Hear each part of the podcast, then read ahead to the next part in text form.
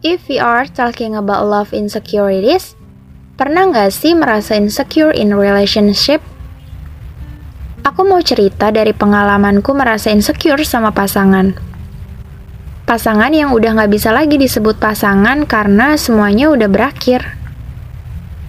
It's like sometimes I get jealous thinking that someone else could make him happier than I could. I guess it's my insecurities acting up. Yeah, because I know I'm not the prettiest, the smartest, or most fun and exciting.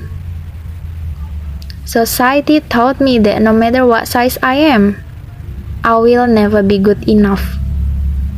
I'll always be too skinny, too fat, too short, too tall, too this and too that. Itu yang jadi kekhawatiran. Ini insecurity yang pernah ada dalam hidupku sepanjang menjalani hubungan dengan seseorang.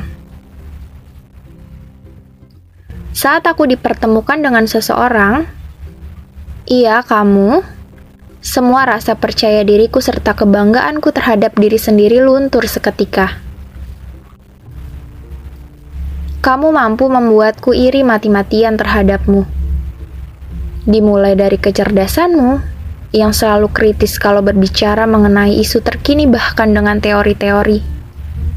Keberanianmu yang tidak pernah takut dalam menyuarakan kebenaran, kedewasaanmu dalam menghadapi segala persoalan, ketegasanmu dalam mengambil keputusan, sama ketegasanmu dalam mempertahankan pilihan dan berpendapat. Aku iri dengan bagaimana tawa selalu melekat di wajahmu bahkan tanpa memikirkan apakah orang ikut bahagia jika kamu bahagia atau tidak. Aku iri dengan bagaimana teman-temanmu begitu mencintaimu. Begitu membutuhkanmu sampai kamu kadang sulit memilih antara aku atau mereka. Aku iri dengan setiap kemampuan yang kamu miliki sampai membuatku jatuh hati setiap hari, bahkan sampai hari ini. Aku iri dengan bagaimana kamu dengan mudah menyesuaikan diri di suatu tempat baru tanpa takut kalau-kalau ada orang tak menyukaimu. Aku iri bagaimana kamu memiliki banyak ide baru untuk membuatku tak berhenti mencintaimu. Aku iri dengan cara kamu merangkulku dan membuatku tak ingin jauh darimu sedangkan aku Aku tak mungkin bisa. Aku tak mungkin bisa melakukan hal yang sama. Aku iri dengan kamu yang tak tertuntut untuk menjadi paling baik, namun melakukan sesuatu hanya sesuai keinginanmu. Aku iri dengan cara kamu bisa menghapuskan kekesalanmu dengan berkumpul bersama teman-temanmu. Aku iri dengan cara kamu mampu melupakanku dengan sangat cepat, sedangkan aku harus mati-matian melewati derita dan air mata. Aku iri dengan cara kamu yang tak usah menjadi paling baik dan luar biasa untuk tetap aku cintai. Untuk tidak pernah aku tinggalkan karena kamu yakin kalau aku tak akan bisa melakukan itu. Aku iri dengan caramu yang bisa membuatku marah dan kecewa namun aku selalu memaafkannya.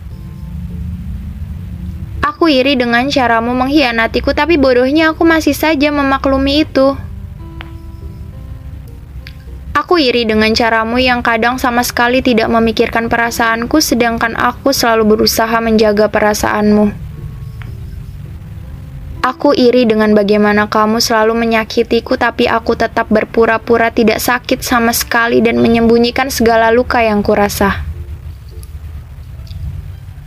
Aku iri dan itu menjadi sebuah kekhawatiran yang nyata yang tidak pernah aku mengutarakannya ketika masih bersamamu.